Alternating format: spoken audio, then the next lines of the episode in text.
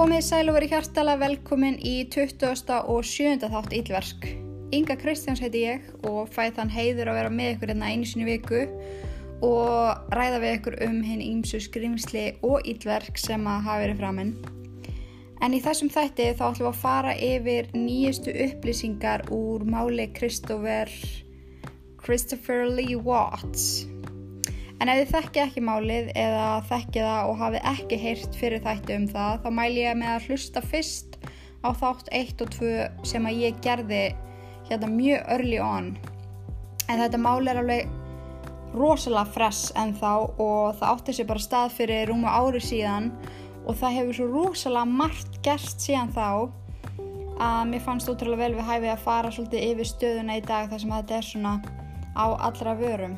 En ef ég tek sem dæmi þá gerði ég þátt eitt og bara nokkrum dögum síðar um, fannst mér ég þurfa að gera þátt nummið 2 af því að þú veist þá komið svo mikið upplýsingu bara á nokkrum dögum af því að það er bara stanslust verið að vinna í þessu máli.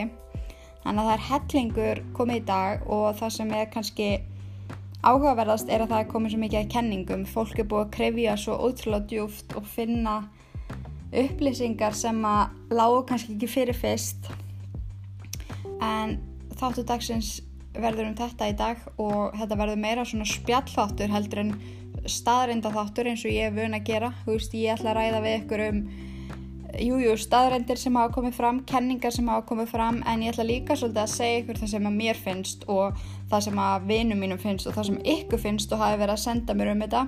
Þannig að ég er mjög spennt og ég held að við ættum bara að kýla á þetta En til að byrja með þá skulum við friska aðeins upp á minnið og fara mjög gróflega yfir atbyrðarásina sem átti sér stað í þessu máli. En þann 13. ágúst 2018 þá kom Shannon Watts heim úr vinnuferð og hún kemur heimannu nóttina og dætur hennar Bella og Celeste voru sofandi ásand eigimanni hennar Chris.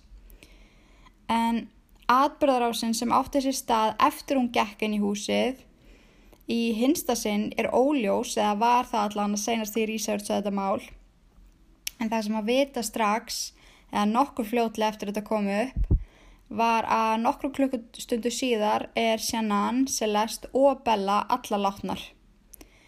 En Chris hafði keftar allar og ekki má gleyma að Shannon var komið 15 veikar á leið með svon þeirra sem að þau voru byrjuð að kalla Nico. Chris hafði drepið alla fjölskyldunum sína og hann sérst í öryggismyndavélum nágrannans uh, hlaða líkum fjölskyttu sinnar í vinnubíli sinn eða hlaða sagt, fjölskyttu sinn í bílinn því að svo eina sem var dáin á þessum tímapunkti var sjannan en það komst upp setna. En hann kemur dætrum sinu fyrir í sikkuru ólíutunninni eftir að það eru látnar og grefur eiginkonu sína og ófætt barni sitt í grunnir gröf rétt frá ólíutunnunum sem að stelpuna voru í og maður spyr sig, veist, af hverju gerði hann þetta? Why? Því að hann var ástfangin af annari konu. Konu sem að hann var búin að halda við í um tvo, um tvo mánuði og hann þráði fátt meira en framtíð með henni. Hann elskaði hana og fjölskyttan hans var fyrir. En ég vil taka fram að ég er að fara rosalega gróflega yfir þetta og ég er að fara svolítið fram og tilbaka úr því sem að ég sagði síðast, bara það eru upplýsingar sem ég vissi síðast og svo það eru upplýsingar sem að ég veit í dag. En síðast þegar ég sagði ykkur frá þessu þá til dæmis held ég og heldu fleiri að þær hefðu verið drefnar hérna inn í húsinu þeirra en það kom síðan, uh, kom síðan upp að Shannan var svo eina sem var drefin inn í húsinu þeirra. Og þegar ég er að segja ykkur frá þessu þá er ég svolítið að reikna með því að þau séu búin að lusta á part 1 og part 2 úr þessu máli þar sem ég fer mjög ítalega yfir atbyrðar á sinna þannig að þeir sem að vita ekkert um þetta mál þeir verða að kíkja á þá þætti fyrst eða researcha málið á netunni því annars verður þessi þáttur svona spes fyrir ykkur að því að ég er svolítið að þetta er svona framhaldsspjall í rauninni við ykkur sem að viti um hvað þetta snýst en það sem, mér, það sem allir er að spá í er náttúrulega bara hvenar ákvæðan að gera þetta af hverju ákvæðan að þetta veri best í stöðinni og þetta er svo magnað því að samkvæmt öllu og öllum þá var Chris Watts fínasti gaur. Hann hafði aldrei sínt fram á neina undarlega hegðun, hvorki sem barn nýfullorn einstaklingur og þeir sem að þekktu hann komu algjörlega af fjöllum. Og þá voru allir bara, hú veist, nei, what? Og enginn trúði því að hann hefði þetta í sér. Og fóru þá að líta í og einmitt, fóru þá að líta í kringu sig og fóru að líta á aðrar personur og hvernig er yfirlegt þetta að líta á í svona málum, hú veist að því að fólk efaðist einhvern veginn strax um og sálfræðingar og laurugleiföld efaðist einhvern veginn strax um að hann væri einna verki, veist, að hann væri einn að plana þetta allt saman því að hann var bara eitthvað svo mikið grei, fattiði mig. En fyrsta manneskinn sem er yfirleitt liti á í svona málum er, þú veist, eiginkonan, ástkonan, kærastan. Þannig að Nicole Kessinger fer þannig undir smásjá í fjölmiðlum og hjá lauruglu sem er mjög eðlilegt þar sem að hún var síðasta manniski sem að heyrði í honum áður en þetta gerðist. Og fólk spyr sig hvað fór millera í þessu símtali áður þetta gerðist? Og hvað fór millera á símtalinu nei, hérna millera í símtalinu eftir þetta gerðist? Því að hún er líka fyrsta manniskin sem hann heyrir í eftir þetta gerðist.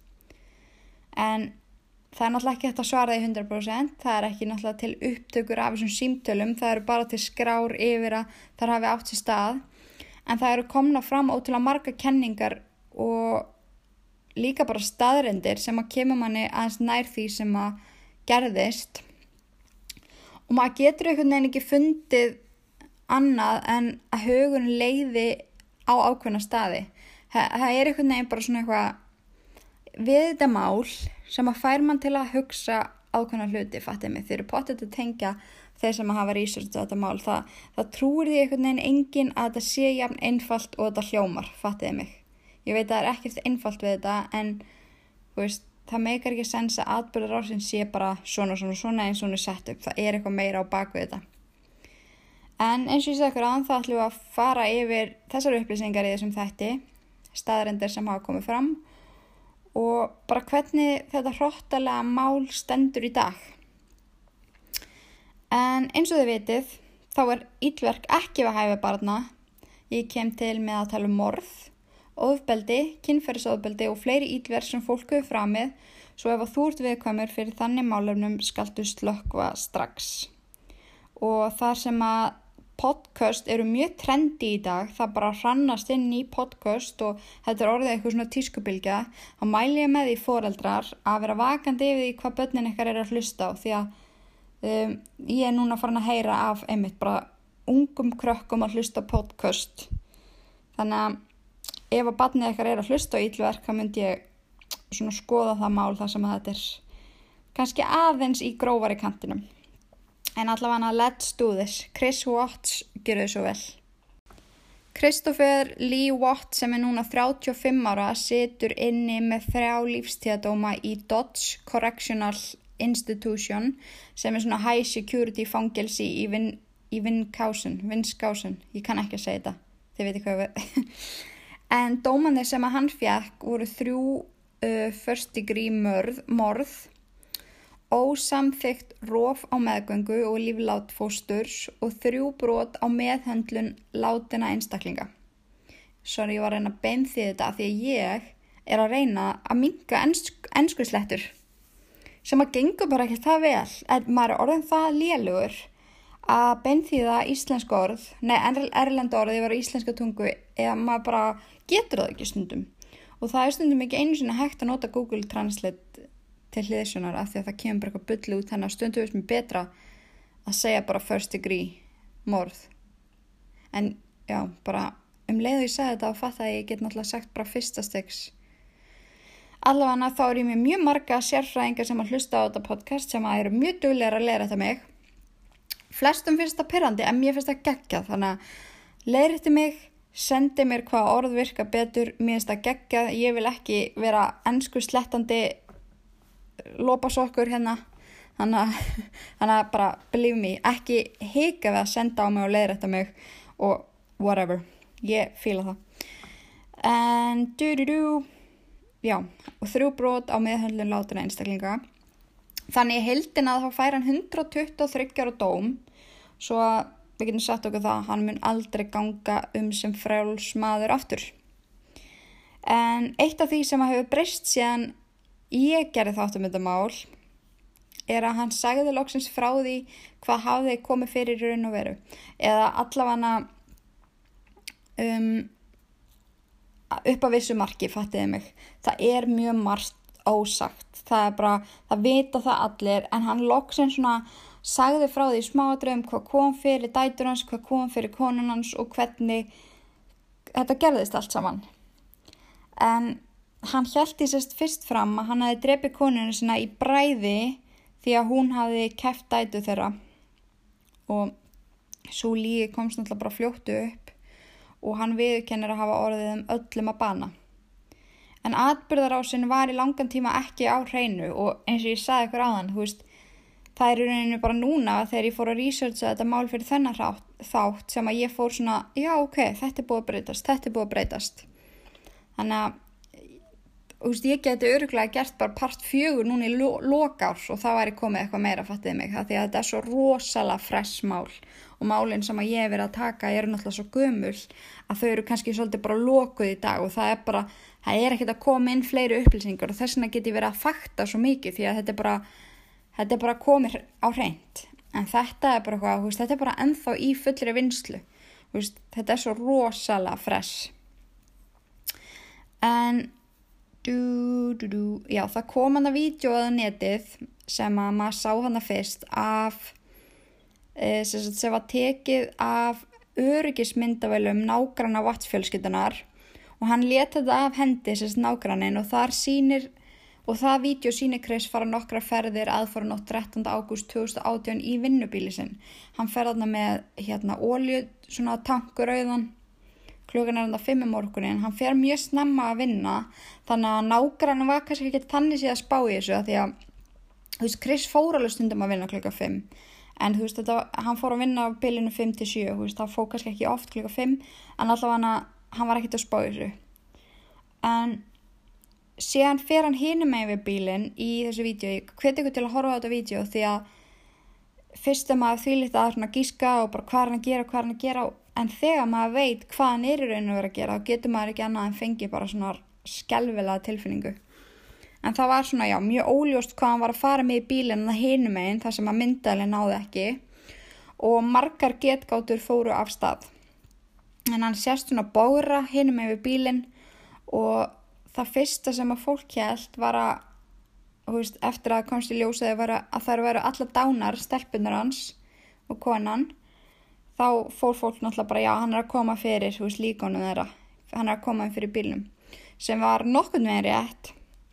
Það kom svo setna í ljósa hann drósast látna eigingunum sína vapnaði henni teppi inn í bílin uh, lagði hana á gólfið í aftursætinu á bílnum og fór svo sótti stelpuna sem voru bara sofandi upp í herbyggi, lifandi, kom þeim fyrir aftursætuna á vinnubilnum og tóku síðan þess að 45 minúta bílferð um, meðarlefandi og með látnamóðu sína og pappa sínu sem var að plana að mér það er, þetta er svo þetta er í rauninni finnst mér verri getgáta, þú veist þetta gera hana enþá meira skrimsli heldur en mér fannst hann vera áður. En ég er náttúrulega með mjög sterkar skoðanir á Chris og ég er oft með skoðanir sem að gera fólk perrað en ég ætla að segja ykkur þær alveg klálega og hvað ég svona ég veit ekki þetta er svona fyrsta sem að mér dettur í hug en ég ætla að leiða ykkur núna að heyra bara með orðum Chris hvað kom fyrir? that accurate? Yeah, I just I felt like it was like maybe like a trigger point or something like like you hit the push button on a on a bomb and it just blows up. Right.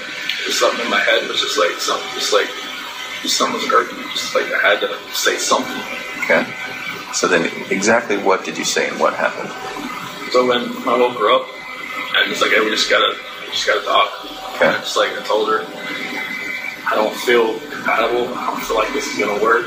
I just, you know, I don't want to. Like, can we cancel the trip to Aspen? Because she had booked a trip that week Oh, to go to some like mystery four star luxury hotel or something.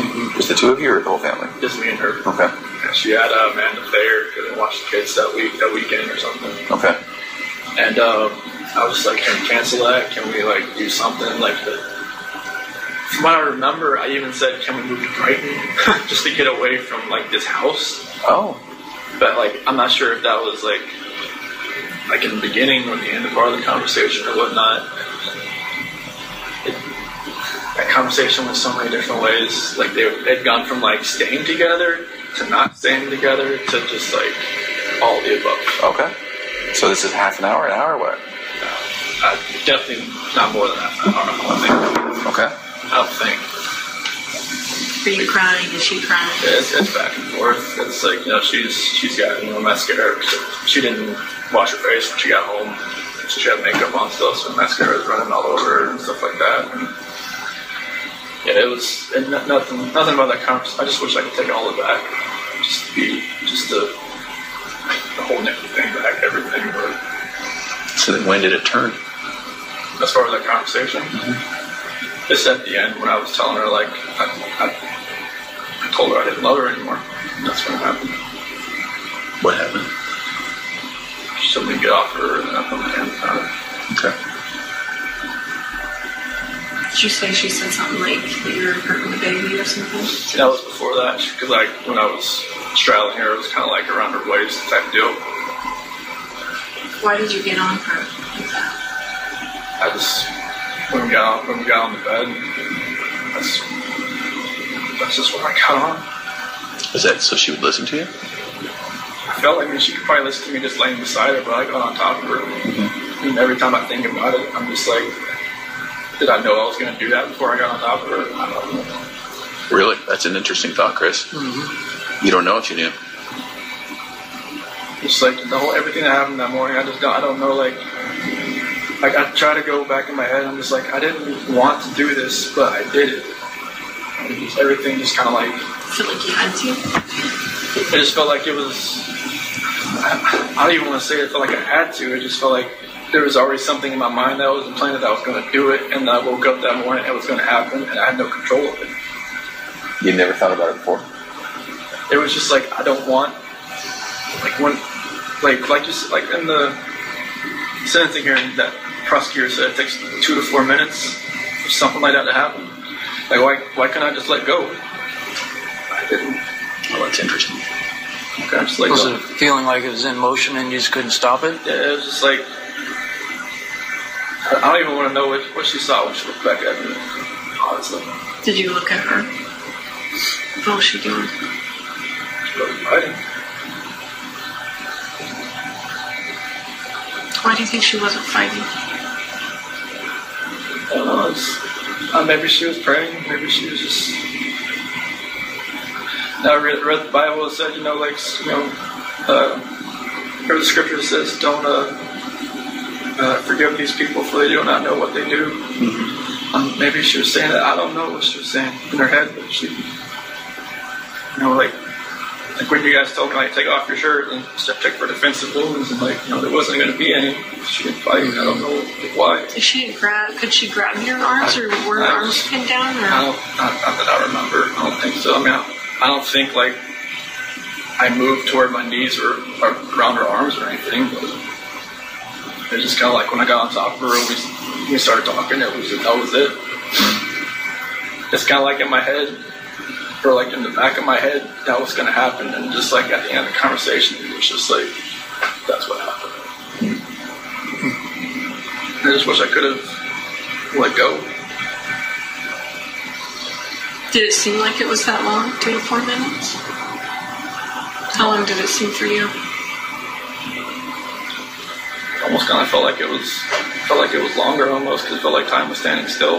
It's kind of like I just saw my life just disappearing before my eyes, but it just like I couldn't let go. It was like somebody else, like like if you picture somebody else around you, holding your hands, holding you, keep you from not not letting go.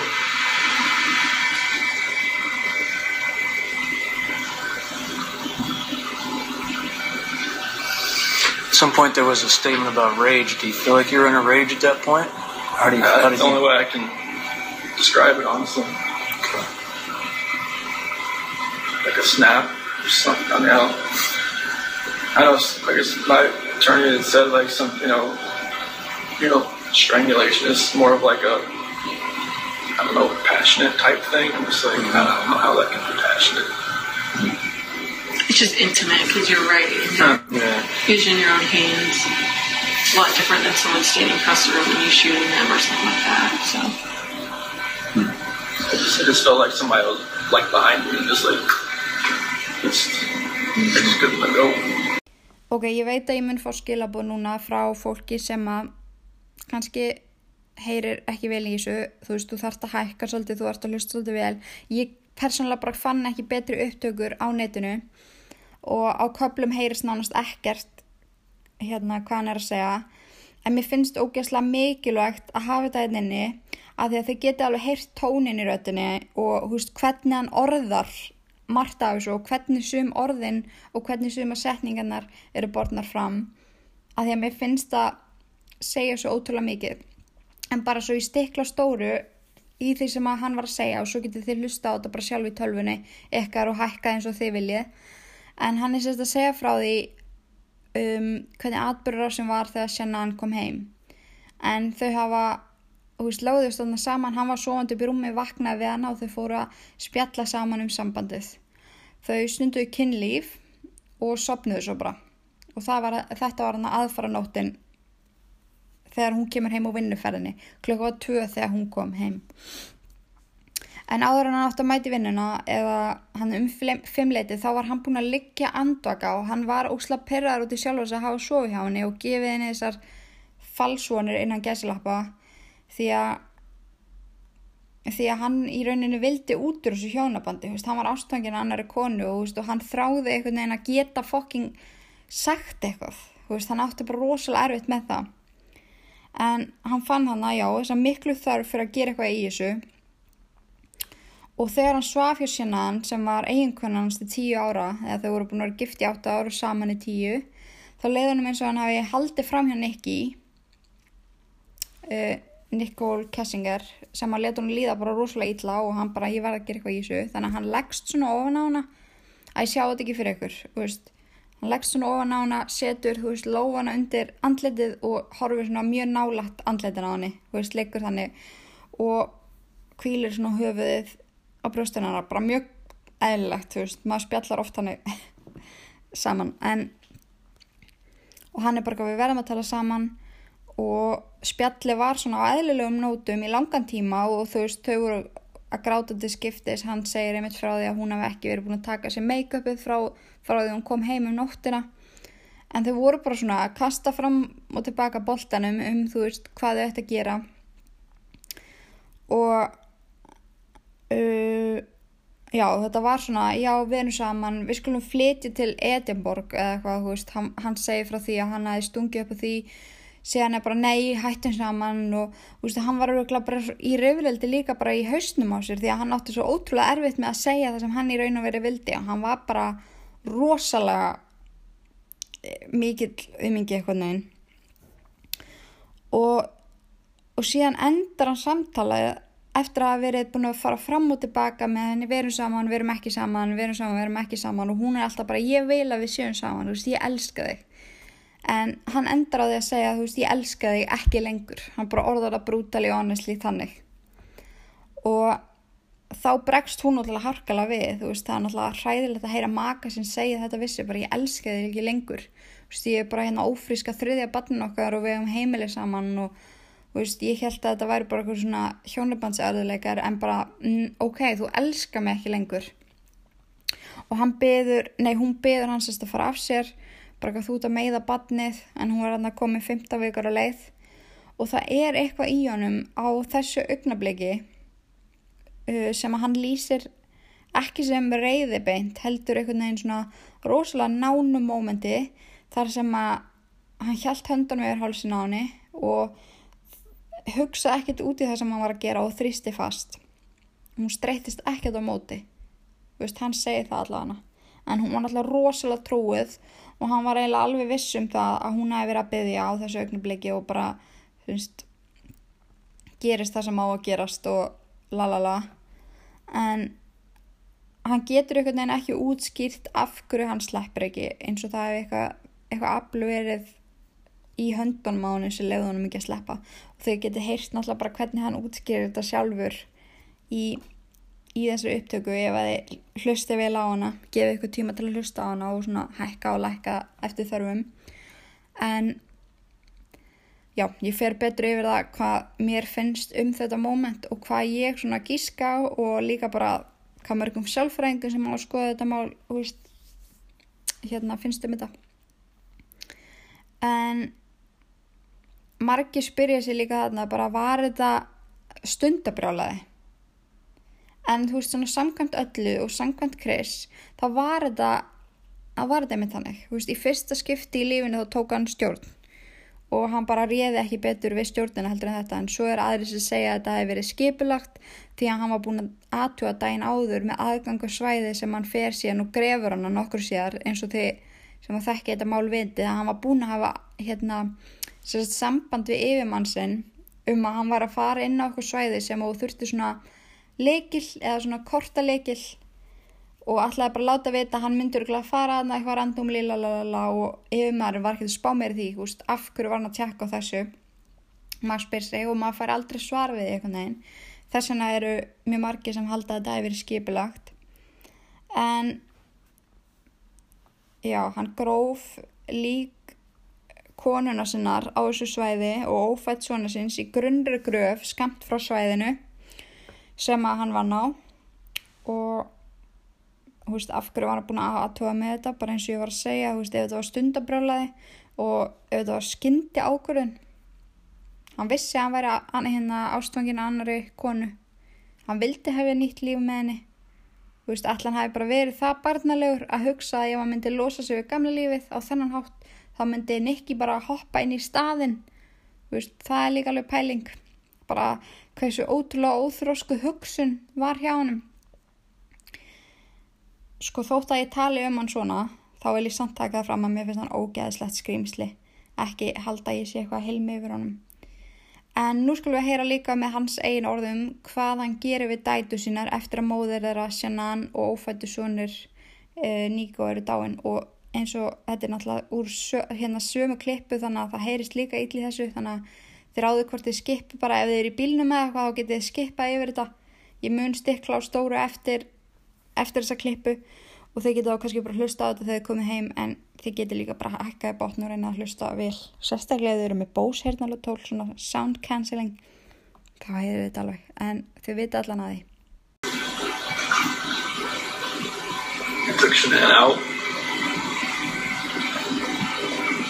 to place off to the site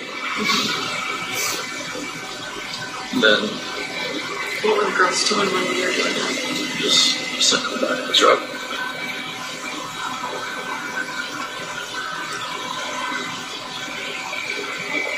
No one.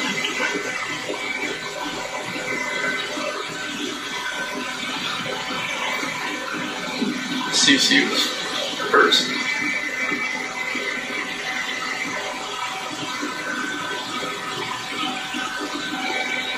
She did have a blanket. She had a blue blanket. a Yankee blanket.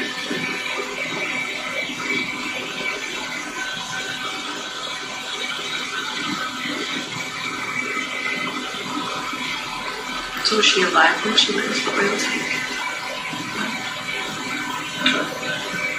I put the blanket over her head. And that's how she passed. Couldn't breathe. I put the blanket over her. I didn't want to no.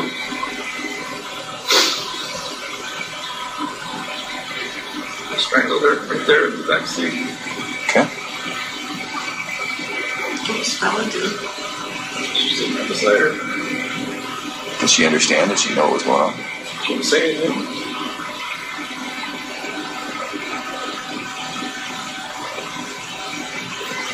The same for Bella.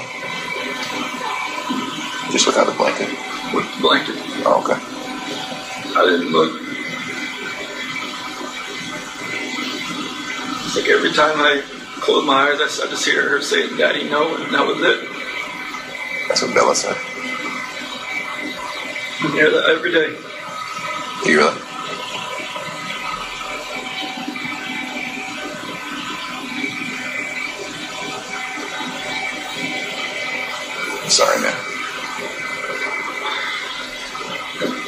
Sorry doesn't really take anything back that I did.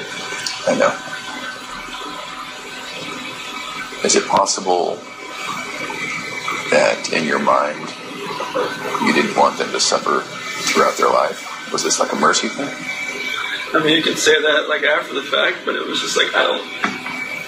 You didn't feel like that during. I, I just didn't. I felt like it was just like an anger with Shanann, with everything that I was just taking it out on everybody that was in front of me that morning. Yeah.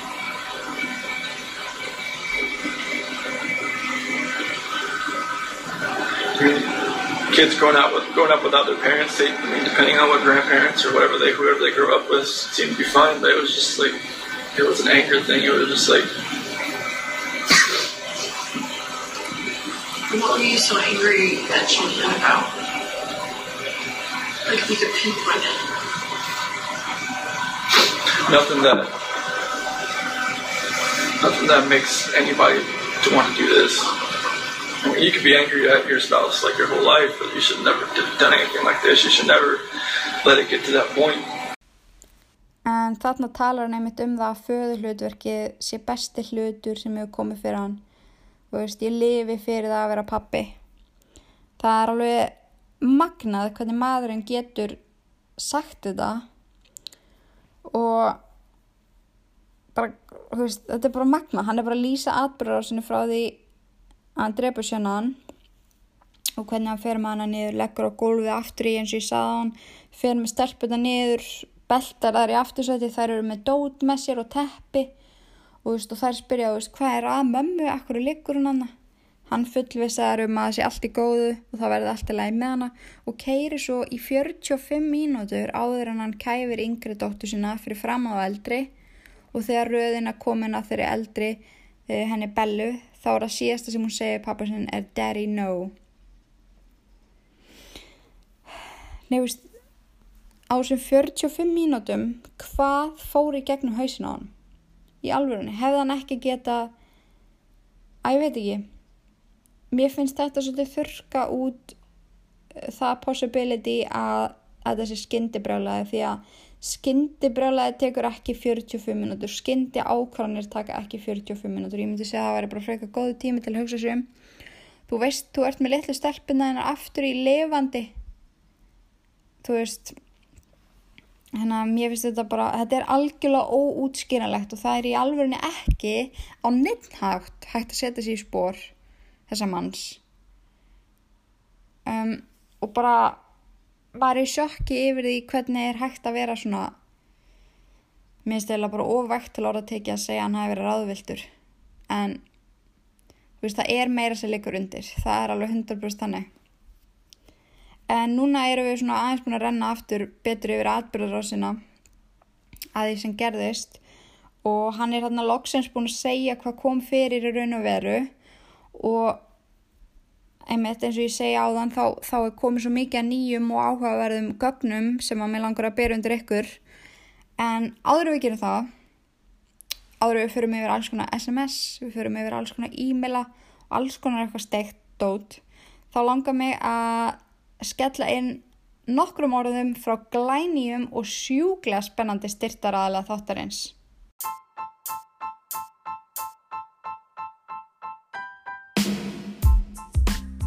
Ég hóf nýverið samstarf við fyrirtæki blackq.is sem að selur hágeða tannumhyrðu og húðumhyrðuvörur sem eru gæðavottar í bak og fyrir.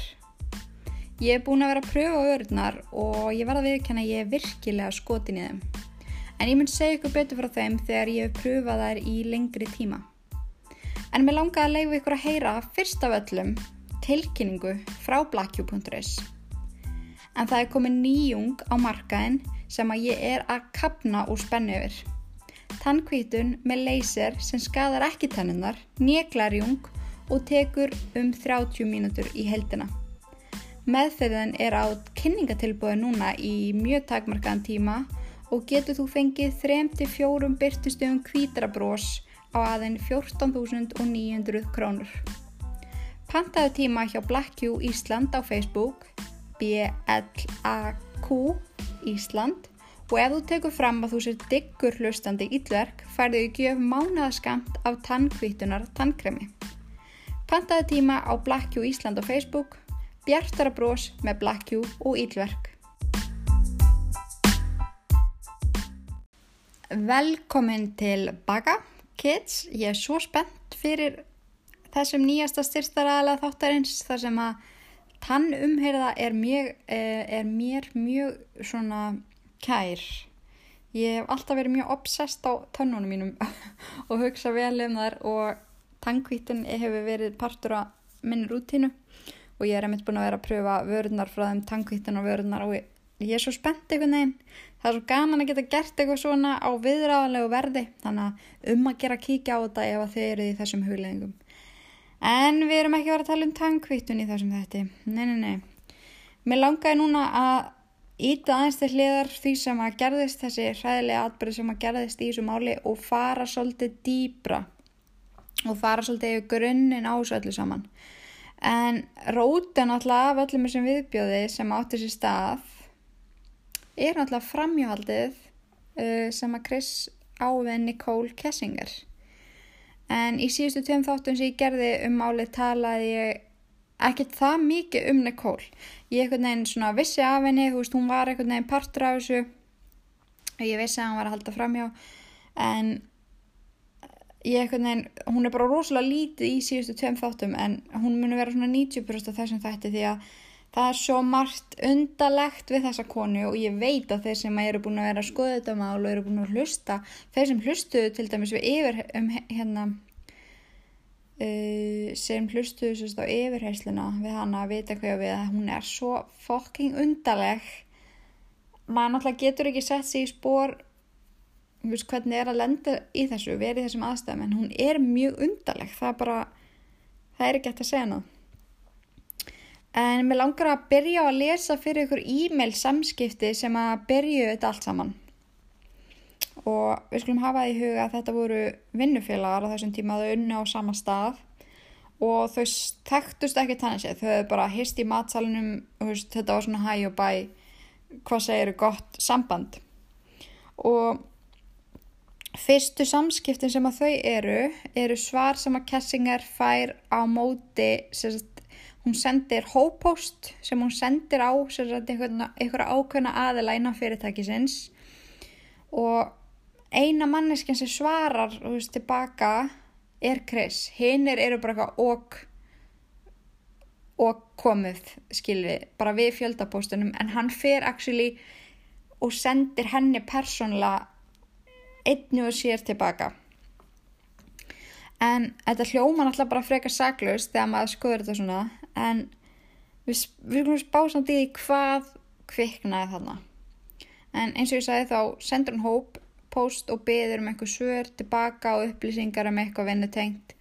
Og hann svarar henni persónulega í áttina græja það eigðu frábæran dag Nicky og hann kallar hana Nicky þarna, hann þekkir hana ekki neitt en hún heitir náttúrulega Nicole, hún er alltaf kallur Nicole að öllum sem vinna með henni en það eru bara svona fjölskyldan hannar og nánustu vinnir kallar hana Nicky sem er svona fyndin pæling Uh, hún svarar honum og þakka fyrir og eftir saklaust svona takk og bless posta fram og tilbaka alla vikuna eftir fyrsta hóppóstinn sendi Chris að honum líði vel að spjalla hana og hann finni að þau sé að tengja og hún sé ofan allt mjög falleg.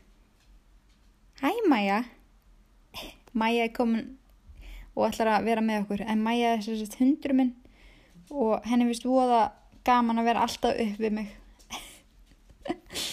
Já, hérna. Þannig að þið heyrið í litlu klónum hennar þá er þetta bara hún eitthvað árultan í hennar. En já, en hún svarar þarna að hún sé sammála og það sé alltaf gott að finna fólk sem að tengi við og henni finnist frábært að spjalla við hann og hún segir þarna við hann, veist, þau eru búin að spjalla rosalega casuali og hann, hún segir þess að ég er að leita af ykkur um til að byggja fallegt og gott líf. Þetta hljóma svo einfalt en er svo ótrúlega langsóttu draumur. byggja eitthvað svipað og þú hefur byggt með konunniðinni og sætu stelpunuðinum. En ég trúi mjög stert á karma svo með virðingu fyrir sjálfur mér, þér og fjölskyldunniðinni, þá held ég að það sé best ef við höldum þessu spjalli bara á vinalögum nótum. By the way, getur haldið öllu okkar á milli bara útaf fyrir þig. Og Chris svara hana, já, fallegt líf er eitthvað sem er erfitt að finna í þessum heimi þar sem að fólk efast alltaf um allt og alla. Ég trúi líka karma og ég er algjörlega sammálaður. Allar okkar samræður verða bara okkar á milli. Þú ert ekki á að neina ágjöra því. Þú getur hringt í mig ef það er eitthvað en ef ég sé þig ekki næstu daga þá vona ég bara að þú eigir dásanlegan dag.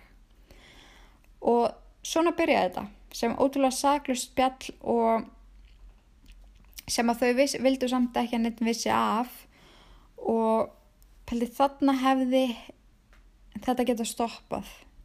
Þú veist, flestir sem hefur upplifað svona, ég tel það nokkuð eðlilegt að hjón upplefi ykkur tíman svona yfir hjónabandið að svona finnast einhver annar áhugaverður, þú veist, finnast gaman að spjalla við einhvern annan. En flestir hafa vita því að vera bara svona nipp, þetta er óviðandi, mér langar ekki að gera meira af þessu og stoppa svona. En náttúrulega sem ég fara lengra og það leiðir oft út í eitthvað sem að fólk vil einmitt halda sem lindamáli.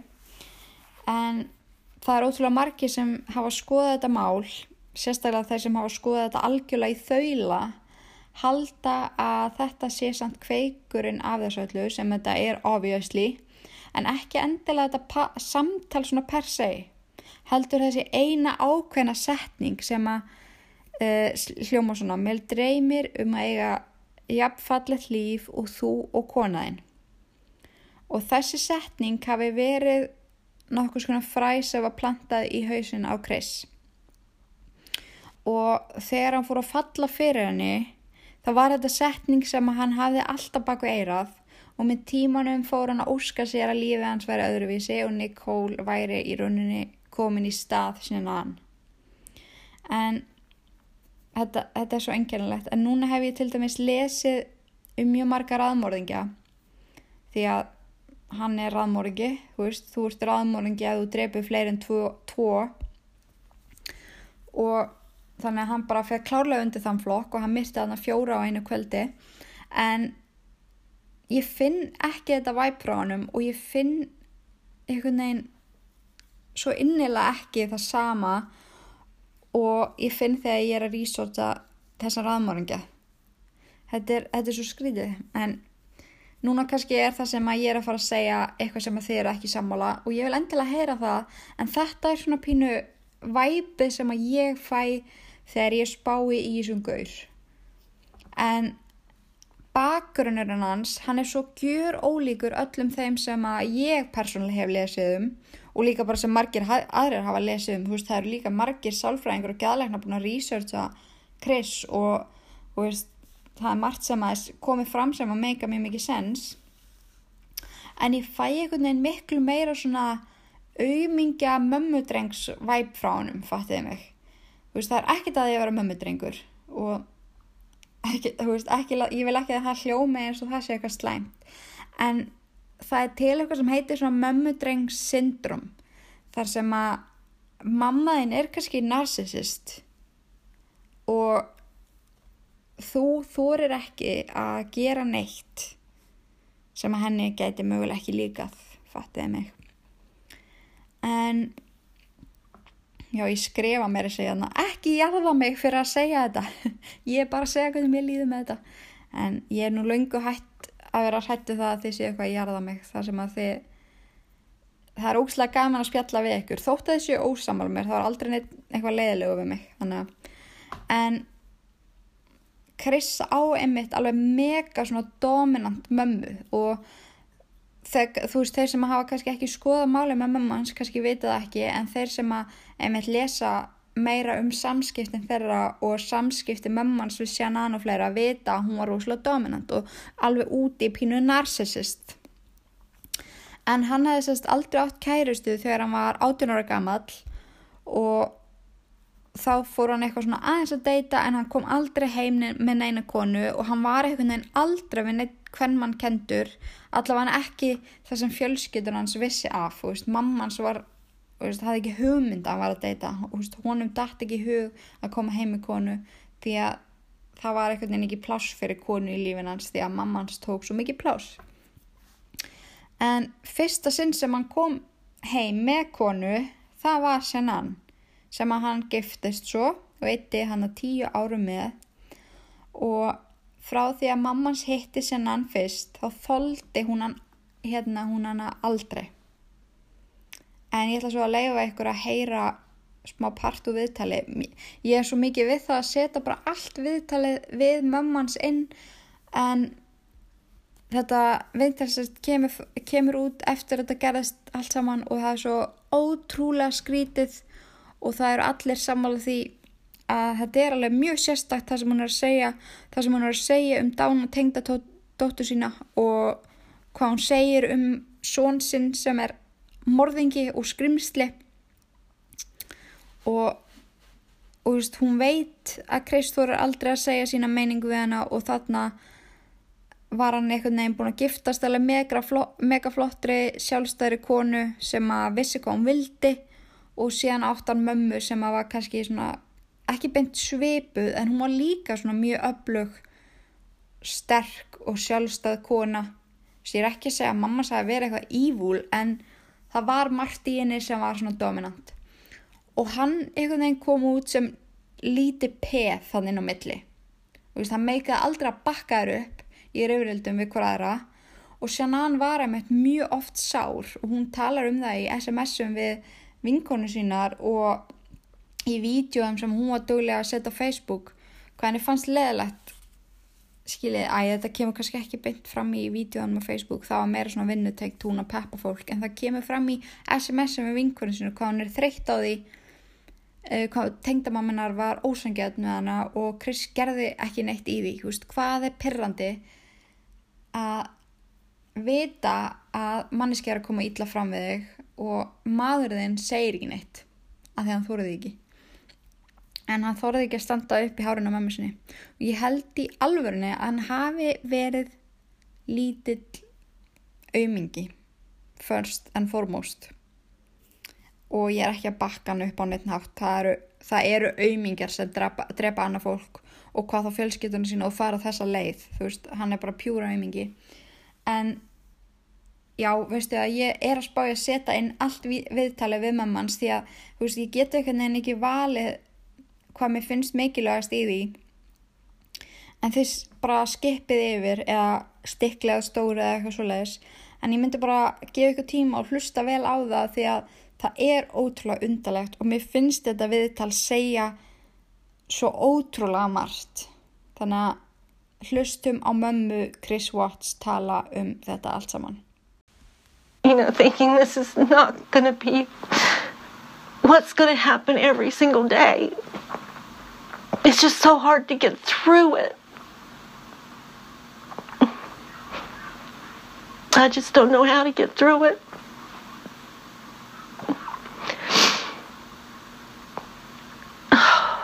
Tell me about his childhood. Did he play sports? Was he in scouts? What kinds of things did, Yes, did he, he, do? played sports. He played sports from the time he was five years old up until he was 17. And he was in basketball, he was in baseball, he was in football, and uh, loved NASCAR. He and his dad went to the NASCAR races all the time. Um loved sports, loved sports, and he had he he was a good kid. Uh, had two best friends, and that's who we grew up with, and still are friends with them today. And uh, there's nothing, nothing that would have predicted any of this could have ever happened. Yeah. Nothing, nothing in his childhood at all. I would have never in a million years thought something like this could happen to him at all. You didn't see things like him getting into fights? Or, No, no, no fighting. Uh, he was quiet and he got along with people. And he didn't start anything. And he He was um, a, a perfect teenager, tell you the truth. He did not even rebel. He wanted to go to NASCAR Tech. We made that possible for him. What did he do after he finished school? He worked at the dealership as a service technician and was making good money and loved it. He bought a, uh, a toolbox and he started buying his tools and uh, um, enjoyed it. He was doing well. When and where did he meet Shanann?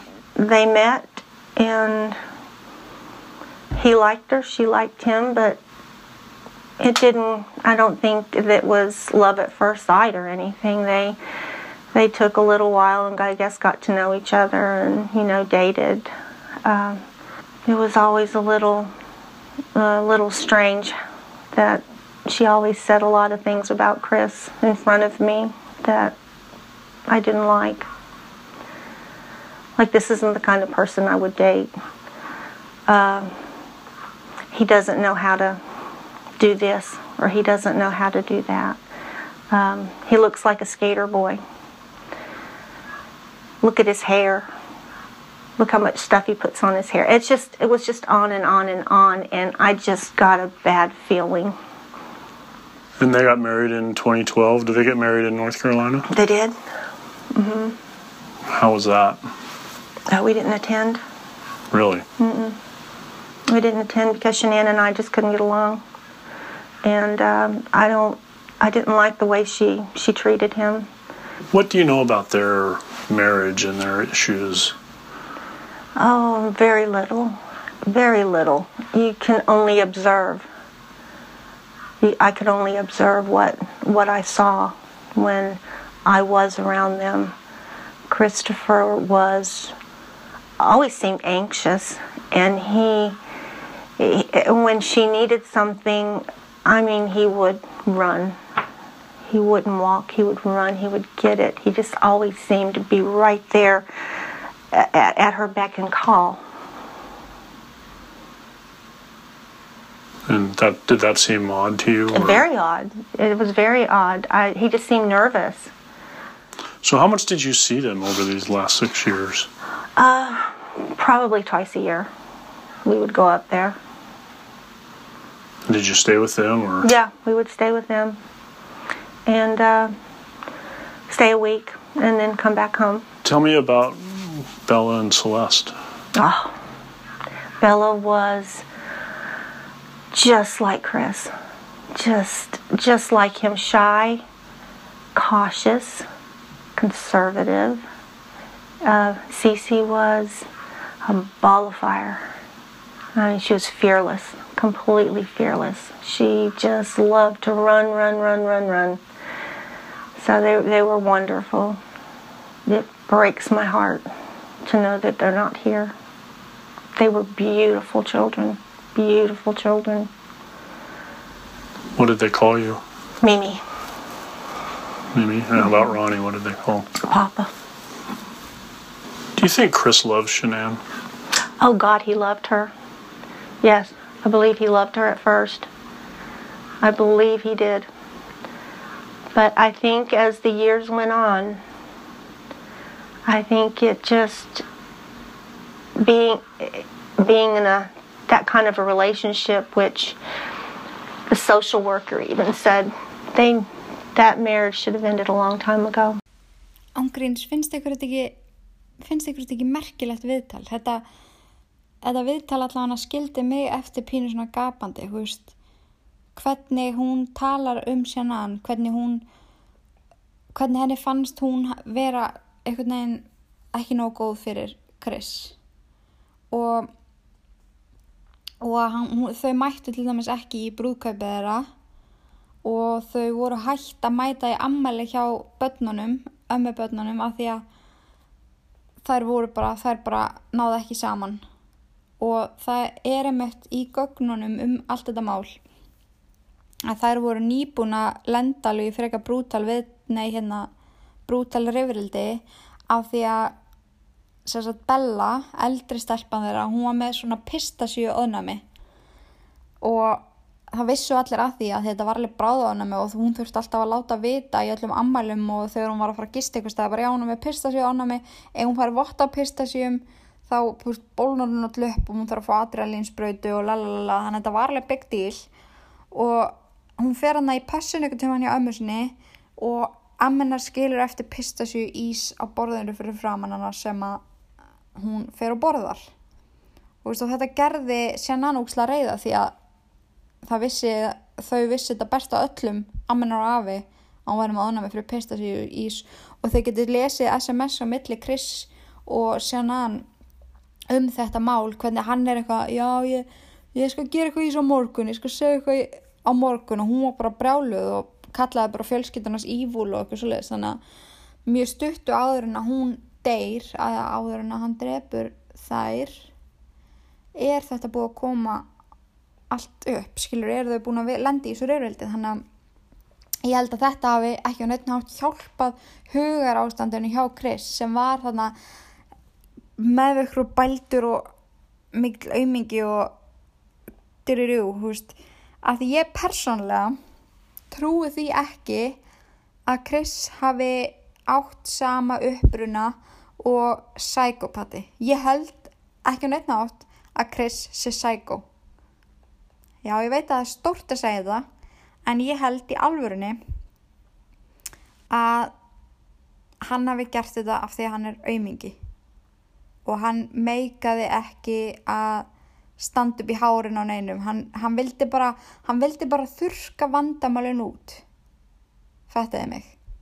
Þú veist, hann geti vel verið að hann sé narsisist, þú veist, eins og mammans, eða mér persónulega fyrst mammans allan að hann er narsisist, en ég held að það sé ekki hægt að líka honum við til dæmis um, Ted Bundy þú veist það er bara ekki hægt samt að Ted Bundy líka sjúkur aðmorðingi. Þetta er mig. En þetta er bara einhvern veginn þetta mála bara allt öru leveli og það er kannski ekki tægt að líka þessu saman. En þú veist ég held í alveg að Chris hafi verið hrættur first and foremost. Hann hafi verið bara lítill lúser. En hann getur náttúrulega ekki á neitt hátt útskýrt af hverju þetta gerðist. Hann gæti ekki útskýrt hvað var að fara í gegnum hugana hans. Hann gæti ekki gert greinamun á milli hvort hann hefði verið reyður eða óstjórnilega reyður eða, eða leiður eða eitthvað, þú veist, hann bara gæti ekki útskýrt það. Og eina sem hann vissi var að hann þurfti að taka mjög erfitt samtal við sjannan sem að hafði aldrei leiftunum að komast upp með neitt múður. Veist, hún var bara ákveðin kona og ef hann var með eitthvað svona bull skilur, þá var hún bara, heyrðu hættu þessu bulli. Veist, hún var bara ákveðin og þarna þurfti hann að standa á sínu segja honu, eða segja hvernig hún leið og hann meikaði það ekki og tók auðveldu leiðin út að hans mati.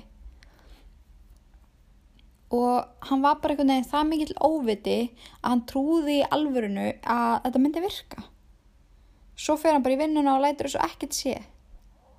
Veist, er, veist, það er ekki hægt að veist, setja sig í þessi spór en Chris var hérna já ég er hérna með þýlíkar sko sálgreiningar en ég var búin að leggjast yfir þetta hérna um hvernig típa hann var. En og ég haldi áfram húst, halda eins áfram með hvað mér finnst þá, þá held ég að hann hafi í alveg verið bara mega eftir og í þroska húst, með svona dassa gráa fyrringnum ég held að sé bara ekkert mjög gott kombo sko en uh, du, du, du, hvert voru við komin en já það er bara það er bókstala enginn sem að þekkir hann enginn sem að sálgreinir hann lauruglumenninir, fangaverðinir, það er enginn sem segir að sé vondugaur nema alltaf fjölskytta sjana hann, skiljanlega. Og það voru bara bókstæla allir í sjokki yfir þessu. Þetta gæti bara ekki verið ólíkar, honum, ólíkar að, hans karakter. En það stegur svo setna með fram aðilar sem lístuði yfir að hafa verið í kynferðslegu sambandi við Chris sem var mjög svolítið áhugaverst. Um, þetta getur náttúrulega verið bara kæftæði, þetta getur verið bara einhverju aðtekli sjúkir einstaklingar en það stegur fram bæði menn og konur sem að heldur fram að þau sofið hjá Chris á meðan á að giftur og það hefur komið fram í mjög miklum gögnum, til dæmis milli hans og Nicky, að hann hefði verið alveg einstaklega mikið fyrir analkinnlíf. Og það má einmitt sjá líka í skjölum og gögnum, hérna, gögnum og Google-leitum hjá Nicole, það var náttúrulega að fara í gegnum allt hann að stöf, að í gegnum þetta samband sem að þau áttu, þá var hún mjög reglulega að googla hvernig væri best að undirbúa sig fyrir analkinnlíf og tips og triks um analkinnlíf og allt í sambandi við það. En Chris hafði stunda mögu karlmenn oftar en hann hafði stunda mögu konur. Mér finnst þetta mjög áhæfverið punktur og mér finnst þetta að segja alveg helling. En það kemur fram í skýslum frá fólki sem hefur stegið fram og sagt að hann sé svona kynlífsjúkur og mjög gefinn fyrir alls konar leiki og roleplay og það er líka mjög sérstaklega að koma út á dögunum voice message frá Nicole þar sem hún segir saknans og þar má heyra þetta svona barstlega fliss sem er mjög líklega partur af eitthvað svona roleplay eða fettis sem ítir undir það sem að fólk er búin að vera að segja en við skulum heyra þetta voice message Hi. it's me. I miss your face. I was just calling to say hi. Call me back. Bye. Sko ég persónulega fíla ekki svona eitthvað svona, eh, ég veit ekki, ég krensa eitthvað yfir þessu voice message, mér finnst það ekki hot. Ég er ekki turned on right now. En fólk má náttúrulega fíla það sem að það vill. Það er ekkert að roleplay, það er ekkert að annal, það er ekkert að neina á þessu. Fólk má bara hafa gaman, hafa gaman og gera það sem að vill að meðan báðir aðilar eru samþykir, bara svo ég tæki það fram. En ástæðan fyrir því að ég er að koma þessu inn, inn í þáttinn og, og ég er að ræða þetta við okkur núna, er að kynlíf er líklegast þáttur að því hvernig þetta fór. Og kynlíf og þrár er eitthvað sem að ég held að hafi ollið, ollið, ullið, valdið, old, I, whatever. Þið veitu hvað, oh my god, ég veit í alveg ekki hvernig ég á fallbega ollið, ullið. En já, já, þetta hafi valdið honum, já, valdið honum miklu hugarongri. Vá, þetta kom bara náttúrulega. En ég hef einmitt verið að spá í hvort að gæti mögulega verið að Chris hafi verið samkynnaður og aldrei þórað að segja frá því í óta um hvað öllum fannst og hvað mamma hans myndi segja um það. Og síðan hann hafi vildi aldrei stunda annálkinn líf svo að hann sætti sig við að vera með konu af því að Nicole var til í svoleiðis. Og fekk hann þá eitthvað svona útrás fyrir því.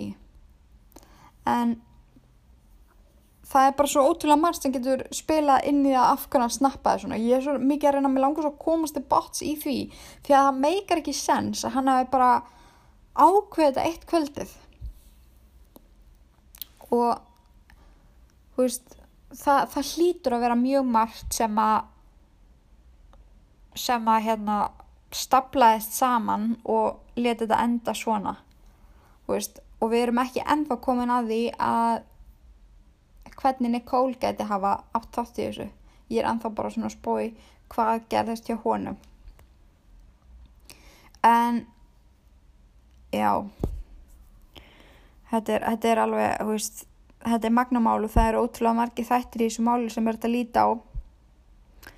En núna einmitt ef við förum aðeins yfir í Nicole við erum ekki búin að gera mikið af því en mér persónulega og mjög mörgum finnst hún mjög svona sérstök kona hvernig hún orða hlutin leiðis en ég sérst hlustaði á bara alla yfirheysluna við hana það er alveg bara veist, fjóru klukkutímar eða eitthvað í heldina og svona 98% af yfirheyslinni þá er hún að segja geðveitt svona useless hluti. Vist, hún segi stundum að hann hafi vitað að hann var í giftur þrátt fyrir e-mailin. Nei hérna hún hafi sérst ekki vitað að hann væri giftur veist þrátt fyrir e-mailin sem ég sagði eitthvað frá áðan þar sem hún dagðist að hjónabandinu hans. Hún segi stundum að þau hafi verið að hittast svo stutt að hún mun ekki neitt og svo hittist þau svo lengi og töluðu svo mikið saman og bla bla. Veist þetta fór einhvern veginn allt saman í bland og hún talaði klukkutímum saman um alls konar smáadriði sem er alveg magna á myndi og svo þegar komaði að segja frá okkur sem að actually gætt hjálpa þá myndi hún ekki neitt. Og burt sér frá því er hún algjörlega óþólandi að hlusta á. En það eina sem að hún spáir í er hún sjálf hún þurfi tíma til að gróa hún þurfi hitt og þetta og hún er svo sára hann lauga henni hún er svo sára hann fór bak við hana og veist, hún spyr aldrei hvernig fjölskyldunni sem að var að missa veist, þrjá, fjóra einstaklinga veist, líður. Og lífi hans mun aldrei verða samt aftur þú veist, hún á mesta sjensin á því að eiga eðlilegt líf en hún bara sér það ekki. Og hún er einhvern veginn bara svo sjálfselsk og allt sem hún segir er einhvern veginn svo ótrúlega skrítið svona þvaður. Og það hafa einmitt komið upp mjög marga kenningar um hvort að hún hafi einhvern veginn verið partur af þessu. En það sést í hérna sést Google-leit hjá henni að hún hefur googlað að hvort að almenningur hati hjákonur veist, í þessum aðstæður í þessum að, aðstæðum og þú veist, hvað fekk býtti ég ætla að finna út hvað konu hún var sérst að googla eina ákveðna konu. Uh, ég ætla bara að googla með ykkur hérna live. Petersson, hann hétt Petersson þessi gaur. Uh, cheat hvað hétt hann aftur? Jordan Peterson nei. En það var allavega eitthvað svona mjög þekkt mál. Ég man bara gaurinn hétt Peterson. Og hann sem sagt myrðir ófríska eiginkonu sína til þess að vera með hjákonunni. Og hjákonan græðir ógeðslega mikið pening á því að því hún skrifar eitthvað bók og þú veist og er í rauninni í dag bara svona eitthvað tákn í heiminum og, þú veist, og hún sem sagt Nicole fyrir að googlar þessa konu þú veist, hún googlar, þú veist, hatar fólkana hvað finnst fólki um hana hvað grætt hún mikið á bókinni og net worth og eitthvað svoleiðis sem er rosalega skrítið að googla þú veist, þar sem að hún veit grannlega að hún er þessi hjákona. En akkur er hún, þú veist, akkur er hún að googla þetta fram í tíman, hún gerir það sagt áður, löngu áður en þetta gerist allt saman. Og hún googla líka mjög oft Shannon Watts uh, news on Shannon Watts la la la la. Veist, og horfir á vídjóin að því að Shannon var ótrúlega ofta að setja svona motivational vídjó á Facebook þar sem hún vann í svona þetta var ekki beint svona hörpulæf hérna pyramíti þetta var svona self-love og care pyramíti þar sem að það voru líka eitthvað fæðubóta vörur og veist, hún var bara að gera mjög góða hluti. Og hún var alveg fulla að googla þetta. Og mér er kannski alveg eðlilegt að googla eiginkonuna. Ég myndi örgulega að gera það ef ég væri í þessari stöðu.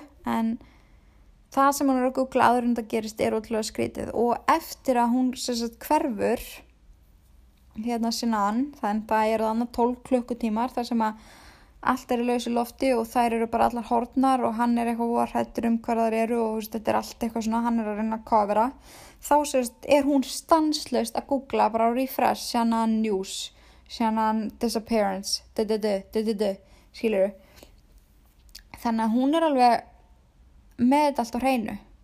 Hvað er að gerast? Þannig að það eru mjög margir búin að spá í veist, hvernig hún átti þátt í þessu. En ég persónulega trúi því að hún hafi aldrei sagt beint við hann losaði við þau veist, dreftu þau eitthvað þannig, veist eins og þessi típisku mál þar sem að þau plana, þú veist að losa sig við fjölskytuna og fara svo saman út í sólsetrið, ég held að það hef ekki verið þannig. Ég held að Nicole hafi líka verið svona narcissist eins og flesta konunar eða veist eins og mammans og fleiri og þú veist og hún hafi svolítið vita bara hvað hann væri lítið peð og hvað væri auðvelt að manipuleita hann.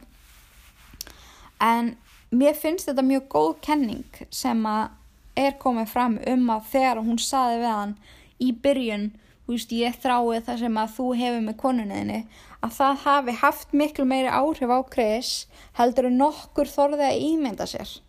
En hann hafi í alvörinu verið bara eitthvað ef að ég get losa mig við fjölskylduna mína sem ég á núna þá get ég bara replaceað hana með Nicole veist, og hann hef í veist, verið svona einfaldur. En sko með langar ángreins ég get ekki með nokkru móti sett inn klippur úr viðtalinu við Nicole. Mér finnst það bara allt merkilegt. Mér er skurt einasta orð sem hún segir merkilegt og þið verðið bara að gefa ykkur tíma til þess að hlusta á það eða hlusta á part af því. Ég ætla bara að segja hér nú ég ætla ekki að spila það hérna, ég get ekki valið að þetta er allt svo skrítið. Þetta er hún að rambla í þú veist, hvað veit, hvað veit maður lengi? Og pappinar er sérst með henni. Og hún er að hlæja, hún er að flissa hún er að grínast. Lauruglumæðurinn er að grínast pappinar er að grínast. Og þetta er allt bara mjö, á mjög léttum nótum. Hún, það kemur smá móment þar sem hún kristi fram tár og er eitthvað oh my god, það eru svo litla og það er ótrúlega ótrúverðugt fattiði mig. Þannig að þú veist, allt þetta viðtal ég kaupi það aldrei að henni líði eitthvað illa yfir þessu. Eða þú veist, það eina sem að hún spáir í er bara ég, ég, ég, ég þarf tíma til að þú veist, jafna mig þú veist, auðvitað þarf hún tíma til að jafna sig þú veist, það er alveg svolítið traumatizing að lendi ykkur svona. En einhvern veginn þá fer samtalið aldrei út í þú veist, þannig að raunverulega skipti máli. Og ég ætla bara að segja ykkur hér og nú að það væri sniðið til okkar að pása kannski podcastið og hlusta á, á hérna viðtalið. Þetta er ekki eins og viðtalið, þetta er bara yfirhersla Maja er eitthvað að gelta hérna? Býða þess en já um, en hún er mjög svona þægileg í samskiptum við veist, þá sem að taka yfir heisluna og alla í sambandið þetta mál, hún fer aldrei í eitthvað í eitthvað felur eða eitthvað svoleiðis. Þannig að þú veist það sem ég er búin að vera að gera núna síðustu daga þegar ég er að researcha þetta mál var að skoða SMS samskipti milli hennar og mannsin sem að er að sagt, taka yfirreysluna af henni. Og þau eru ótrúlega mikið að spjalli gegnum SMS, þú veist, mæla sem mót. Hún, þú veist, fekk að senda honum alltaf þegar hún myndi eitthvað. Og hún var alltaf að muna svona tjönks og tjönks af ykkur atbyrðar þegar hann alltaf skipti sjúklega miklu máli hvað hún myndi, veist, það sem hún var búin að vera að eigða mestum tíma með honum. Og það var svo margt sem að gerðist fyrir mjög stuttu sem að hún myndi ekki eftir á meðan hún myndi í smáadröðum hvað hann sagði við hana fyrir fimm veikum, fattuði mig. Og, og samskiptin á milliðara í þessum SMS-um eru mjög áhugaverð þar sem að hún er bara eitthvað, hei, ég man eitthvað eða hittast? Og þau eru alltaf að frestaði hittast, þetta er alltaf eitthvað vesen. Og hún er alltaf að spyrja hvernig gengur að fá gögnin úr símanum mínum af því að þau eru það að fá inn símanennar til þess að, að taka gögn sem að þau þurftu til þess að veist, til að finna bara út samskipti sem þau voru búin að eiga hvort það væri hægt að hérna, sanna að það sem hún var að segja að veri satt og það sem hann var að segja að veri satt og veist, hvort að það hafi eitthvað komið fram þeirra á milli sem að ítti undir það að hann gerði þetta ásvoleiðis bara til að þú veist bara upp á sannunagögn að gera og húst, hún var pínu treg að láta síman af sér og húst, hún var eitthvað, já mér svolítið óþægilegt að sé ykkur að skoða myndirnar sem ég senda honum, húst, það er alveg freka grafik og eitthvað. Og en hún sá samt að þetta var freka mikilvægt þannig að hún leta hendi gögnin og hún er alltaf að spyrja. Hérna hvernig er það að finna allt? Hvernig gengur að taka allt úr símanum? Og það sem er mjög áhugavert er að það kemur fram að hún er búin að eigða fullt af gögnum. En þegar þú eigðir eitthvað úr símanuðinum þá getur þú glemt í að það sé bara hvað deleted forever. Það er alltaf eitthvað svona tölvu sérfræðingur sem getur farið bara og fengið það tilbaka eða allavega sé skrárnar sem að þú hefur eitt og það er mjög mikið af skrám og SMS-um þeirra á milli sem að hún eitti og hún eitti þessu eftir að þetta gerðist. Vist, og hvað segir það manni? Í alvörunni. Þannig að það, mér finnst það bara ángríns svo skrítið en það náttúrulega kemur ekki fram veist, hvað er þeir á milli veist, það er eitthvað smá bits og bits eitthvað hér og, hér og þar þar sem að þau eru eitthvað að klæmast og, og þú veist að það, það sem að þau kreifa sig að vera saman og ba ba ba ba ba. En ég væri svo mikið til að sjá þú veist það sem hún var að dílita en eins og, eins og ég segi þá er þetta ennþá bara í fullri rannsókn og, veist, og fólk er að analæsa veist, öll viðtöl við hana og öll gögg frá henni og svo leiðis en ég hveti ykkur alveg eindreið til að hlusta á viðtöl við hana og lesa samskiptin sem að hún átti sérst við mannin sem var að taka yfirherslu við hana, þú veist, þetta er ótrúlega spes þú veist, hvernig hún orðar allt og hvað er ótrúlega erfitt að hitta á hana, þú veist, hvað hún svona er protective á allt sitt. Og þegar að lauruglumærin er bara, heyrðu, ég þarf að tala hérna við þessa konu, ég sá að þið töluðu saman hérna, hérna, hérna. Og hún spyr bara, má ég spyrja en, en hvernig veistu að við vorum að tala saman? Og hann bara, þú veist, við erum með gögnin við erum með gögnin frá þér, við veitum alveg hvað er að gerast, við sjáum allt activity. Og hún sagði, já, ok, veist, er það að fara að halda áfram að vera þannig? Að ég veit ekki, hún segir bara svo mikið af hlutum sem að saklu spanniski sem er bara eitthvað út á tóni yfir öllu sem er að gerast, myndir kannski ekki endilega að segja. Þannig að það er mjög áhugavert og allt sem kemur að Nicole er mjög áhugavert. Og á einhvern hátt átt hún miklu stærri þátt í þessu en að hún kannski gerir sig grein fyrir. En það eru örgulega margt sem að hún sagði sem að fyrir henni var kannski eðlilegt sem að hann kannski tók bara rosalega alvarlega. Þannig að það er alveg þetta, þetta mál fokka mér upp. Þetta er óþólandi mál. Og, veist, og hvernig maðurinn kann gert þetta hvernig hann kann tróðið dændrunum sínum að nonni, hvernig hann kann grafið konunum sína, hvernig hann kann farið út með alla fjölskylduna sína eins og drastl farið svo heim, farið að vinna.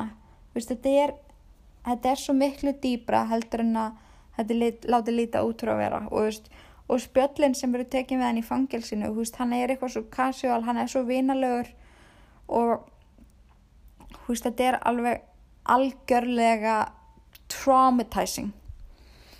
En ég er mjög spennt að heyra hvað þið hafið að segja um þetta hvort að ég sé að gleyma ykkur hvort að, hvort að þið séu með meira research. Ég væri ótrúlega til að við myndum bara búið til spjallrað og ræða um þetta því að þetta er svona alveg debate dæmi. Og ég er örgulega búin að tala óstjórnlega mikið um þetta því að ég hef svo sterkir skoðunar og svo Guð, Guð hjálpa við vinkonum mínum þegar ég fer að ræða þetta við þar en en þetta er bara, þetta er bara magnað. En mér langar núna að enda þáttinn á að spila fyrir ykkur uh, það sem að mamma sinnan, það sem að pappi sinnan og bróður sinnan segja sérst í réttahöldunum um Chris og um þetta allt saman. Það, húst, maður getur ekki annað en farið að skæla smá því þetta er svo sorglegt. Og húst, það er svo magnað að þau segja all bara, húst, við treystur, húst, þú varst bara sonur okkar og, veist, og bróðið sér hann var bara veist, þú varst bara svo bróðum en hvernig þú veist, það komu allir að fjöllum. Það var ekkert í hans hegðun sem að ítti undir neitt svona. Allavega sem að þau vissu af en veist, við veitum það núna að þetta var ekkert í fyrsta sinn sem hann held fram hjá það var eitthvað svo miklu, miklu meira á bakvið hann sem karakter sem að enginn fekk að vita eitthvað sem hann þorði aldrei að viðkjanna og eitthvað sem hann mun kannski aldrei viðkjanna fyrir neinum.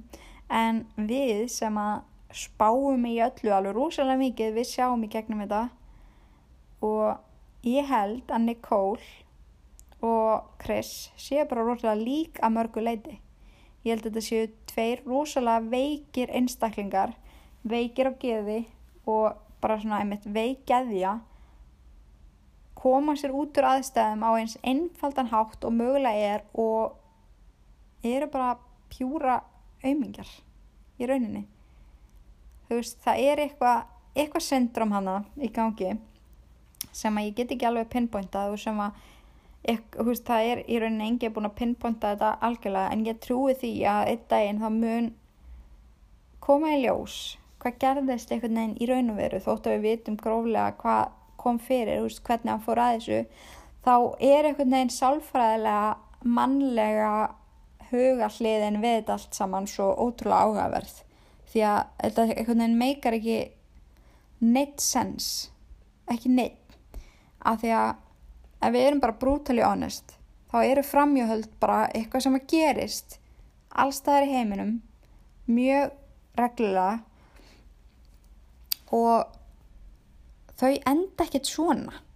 Þú veist, yfirleitt fer bara maðurinn eða konan á endanum og gerir alltaf heiðalega hlutin og skilu við manneskjuna sem hann er með, þú veist, áður þetta fer út í eitthvað óheiðalegt dæmið, þú veist, en hvað þarf að gerast svo að þú ákveðir að drepa eiginkonuna þína eða manniðin, þú veist, hvað þarf að gerast í alvörunni, nenni að segja mér hvað eitthvað dettur í hug, nenni að segja mér hvort þú því sé að fatta hvað ég á við, veist, mér svíður í beinmerkin, þetta er svo perandi, mér langar svo að spurja hann bara hvað er fokkanum er að þér hann að auðmingin, Chris, þú ert auðmingi, ég veit að Chris hlustar á þáttinn, you're a loser, ah, ángríns, þetta perra mér svo mikið, þannig að við skulum hlusta á foreldra sjannan og bróðurinnar tala og og gráta saman því þetta er svo sorglegt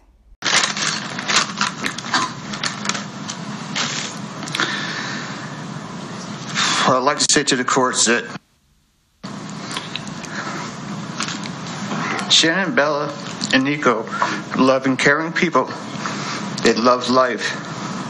They love being around people who love them. They also they always had good times. This is the first time they went to the beach this year and they loved it. But God only knows what happened that night. Life will never be the same without Shannon, Bella, and Celeste and Nico. Had all their lives to live. They were taken by a heartless one. This is the heartless one, the evil monster, who dare you take the lives of my daughter Shannon, Bella, Celeste, and Nico. I trusted you to take care of them, not kill them. And they also trusted you. The heartless monster, and then you take them out like trash. You disgust me. They were loving and caring people. You may have taken their bodies from me, but you will never take the love they had for me. They loved us more than you will ever know. Because you know what love you don't know what love is. Because if you did, you would not have killed them. You monster thought you would get away with this. I don't know how. The cameras do not lie. You carry them out like trash of the house. Yes, I seen the videotape. You buried my, my daughter Shannon and, and Nico in a shallow grave, and then you put Bella and Celeste in huge containers of crude oil. You heartless monster.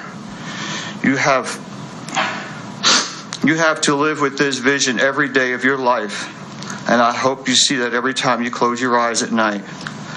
Oh, I forgot. You have no heart or feelings or love. Let me tell you something. I will think of them every day of my life, and I love them every day of my life. Prison is too good for you. This this is hard to say, but may God have mercy on your soul. I hope you enjoy your new life. It's nothing like the one you had out here. May the courts have no mercy on you. It's hard every day. It hurts in so many ways. I have read, heard people say that you're not a monster. No, you are not. You're an evil monster. Thank you.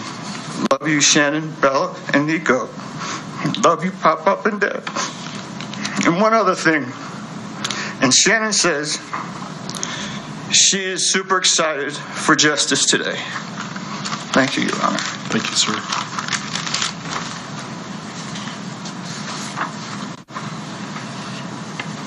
I may have just one moment. Your Honor. Sure.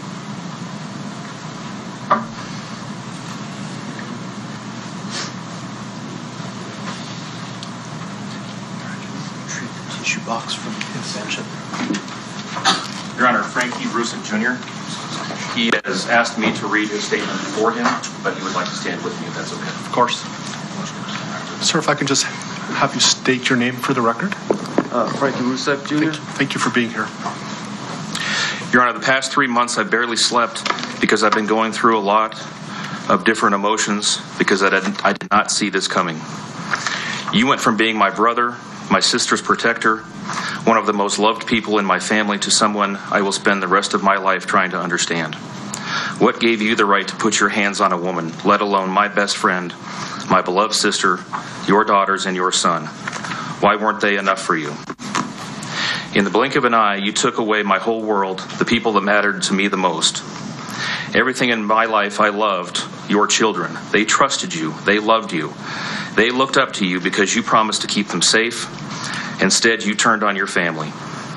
My blood is boiling as I write these last words because they are the last you will ever hear from me. I can't even think of the right words to describe the betrayal and the hate I feel. And to be honest, you aren't even worth the time and effort it takes to put my pen to this paper. There isn't a day that goes by that I don't cry for my family. They were my whole world. All I do is ask myself why. Why would you do this? You don't deserve to be called a man. What kind of person slaughters the people that love them the most? Did you really think you would get away with this? Did you really think that this was your best option? To throw away your family like they were garbage? They deserve better and you know it. I hope you spend the rest of your life staring at the ceiling every night, being haunted by what you've done. None of us deserved this. Hearing my mother and father cry themselves to sleep in this hotel room causes me anguish that is beyond words. I can't describe how this feels, how badly my heart is breaking for my poor parents. We trusted you. You have taken away my family from this earth, but you can never take them from my heart. You took away my privilege of being an uncle to the most precious little girls I've ever known. I will never hear the words Uncle Frankie again, but you will never be called Dad again either. You'll never be able to put your hands on another woman, let alone my best friend, my beloved sister, and your son. I just can't comprehend how they weren't enough for you. Shanann, Bella, and Cece loved you more than anyone. You were their hero. How could you destroy the people who loved them the most? I pray that you never have a moment's peace or a good night's rest in the cage you'll spend every day of your life in. A cage you are privileged to live in because my family isn't evil like you. We beg the district attorney to spare your life despite because despite everything, we believe that no one has the right to take the life of another, even even someone like you. I feel sorry for your family. I know the pain that they must feel knowing that they can't hug you because that's how my mother, father, and I feel every time we cry for our family. Nothing hurts more than watching or hearing my family weep for their loved ones. I just wish that I could tell the, that you would tell the truth, but I know that that is asking for more than you are capable of. I stayed up all night writing this statement. I don't sleep because of you. My life will never be the same because of you, but at least my conscience is clear. I get to live free, but I can't say the same for you. I haven't slept in two days because I've been anxiously waiting for this moment, the moment I get to tell you how I feel, how this has affected my family and I. My family and I can finally grieve after today. If anything, we will come out of this stronger today than we were before, and we will continue to pray for your family. Sincerely, Frankie Rusick. Thank you, Mr. Rusick.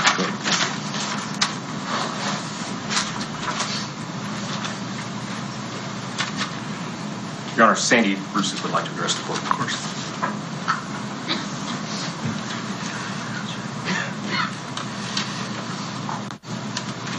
Good morning.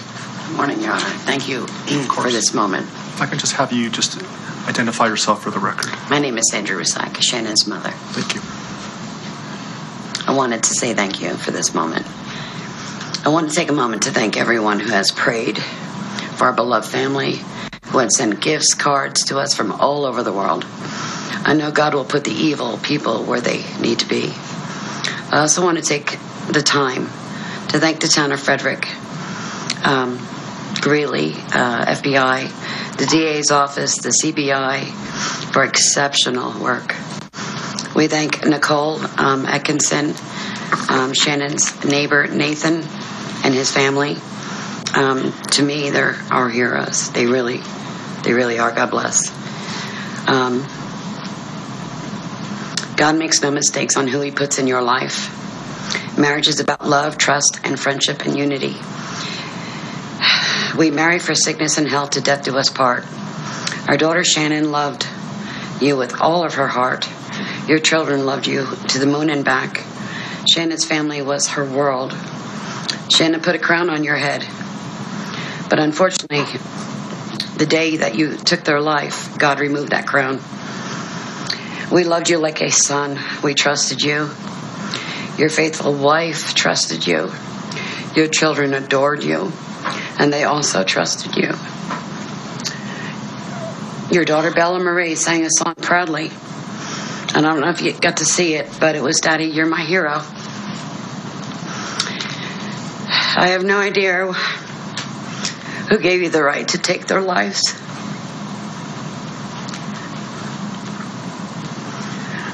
But I know God and His mighty angels were there at that moment to bring them home to paradise. God gives us free will. So not only did you take the family of four, your family of four, you took your own life. I want the world to know that our daughter and her children were so loved by us. There will always be protected by God and His mighty angels. I didn't want death for you because that's not my right. Your life is between you and God now, and I pray that He has mercy for you. From Shannon's mother, Bella Marie, Celeste Catherine, and Nico Lee's, Nana. Thank you, Your Honor. Thank you. Það er ekki hægt að setja það í orð hversu ótrúlega sorglegt þetta mál er. Þetta er sorglegt fyrir alla aðila.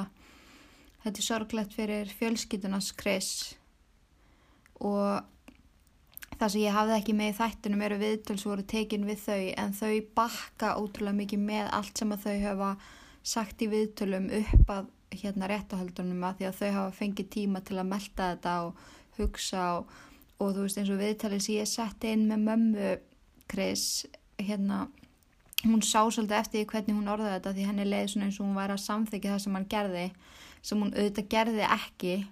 En, en maður stendur alveg með því að að sambandi þeirra var kannski svolítið svona þvingað og henni líkaði ekki vel við sjannaðan en hún vildi hana náttúrulega alls ekki dána. Og að hlusta á fjölskyldunars Chris nei hérna hennar sjannaðan tala um hana og maður getur bara ekki annað en gráti með þeim, veist, þetta er hræðilega sorglegt.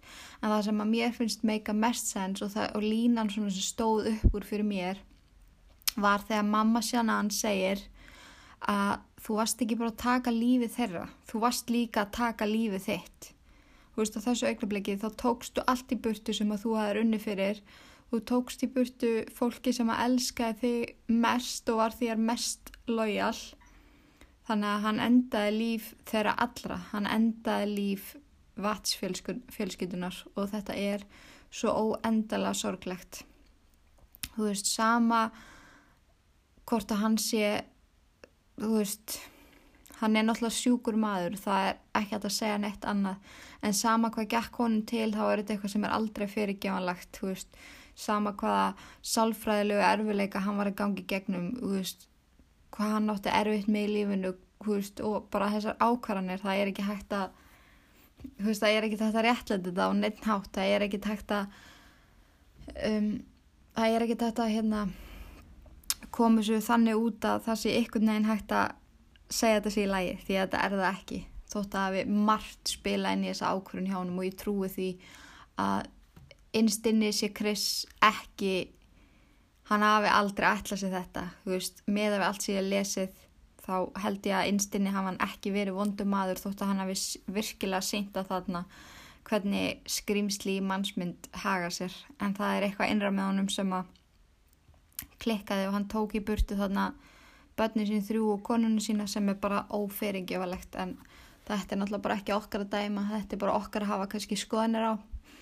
en þetta er eitthvað sem hann þarf að lifa með að eilifu spáði því að eilifu þarf hann að leggjast upp í rúm. Hann er náttúrulega bara ungu maður, hann er 35 ára gammal hann þarf að vera að eilifu bara inn í fangilsi að hugsa það sem hann gerði og það er það besta. Og mér finnst líka gott hjá þeim að hafa þú veist, tekið fram að þau vildu, þú veist, spare his life, þau vildu ekki að hann er tekin að lífi því að hann þarf bara að lifa, lifa þetta, hann þarf bara að hugsa sinn gang, hugsa það sem hann gerði og fá að eigða restina af lífinu sinu ég sjá eftir því að hafa tekið það besta sem hann átti í lífinu. En þetta var þriði þáttur af Chris Watts málinu, þetta var tilfinninga þrungnari þáttur einhvern veginn heldur en hinnir að því að maður fór svo djúft inn í alla hliðar, þú veist, maður hlustaði á veitnisbyrði frá öllum einhvern veginn, maður hlustaði á hann, maður hlustaði á, það var komið svo mikið af alls konar dóti frá, þú veist, Shannan sem að hún átti, þú veist, í sinni persónlegu verslu, þú veist, í símanum sinum og svo leiðis, þú veist, maður er búin að kynast þessari fjölskytti einhvern veginn og þetta er svo hræðilega sorglegt að það er bara ekki hægt að, að lýsa því. En eins og ég segi, allt sem ég hef sagt, þetta er bara mín skoðun, þið hafið ykkar skoðun og ég hlakka til að ræða það við ykkur. Og ef eitthvað fór fyrir brjóstið á ykkur þá byrst ég afsökunar því. En vonandi bara tökum við því að við erum úkslega mörg í þessu öllu saman og við höfum öll okkar pælingar. Þannig að við getum tekið bara spjall um þetta mál því að þetta er virkilega áhugavert og þetta er bara magnað hvernig maðurinn gæti tekið þessa ákvörun en ég held að við segjum þetta gott í bíli áður ég fyrir bara að grænja hérna. Þetta er bara shit, þetta var, var svo erfitt að hlusta á þau þrjú segja, segja þetta og þýlit hugur ekki að geta sagt þetta fyrir fram hann og það er líka erfitt að horfa hann setja hann og þurfa að hlusta á þetta allt. Og hann þarf svo virkilega bara að taka því hvað hann gerði. En við segjum þetta gott í bíli krakka mínir og takk fyrir að hlusta. Og þángu til næst þá skulum við forðast öll ílverk. Nema þetta podcast verið sæl. Áður í hvið ykkur þá verði ég að bæta inn í þáttin lægi sem að ég fann sem að uh, ákveðin artisti á YouTube um, samti um sagt, þetta mál. Og þetta er svolítið svona, hann er svolítið að gera grín af Chris Watts og þessu öllu saman, þannig að mér fannst þetta smá fyndið, smá skondið en samt eitthvað svo gott á Chris þannig að mér langar að bæta þessu inn. Þeim er ekki látið þetta að fara fyrir brjóstið á okkur hlustið yfir á þetta og endum þetta á þessum nótum. Veriði sæl í þetta skipti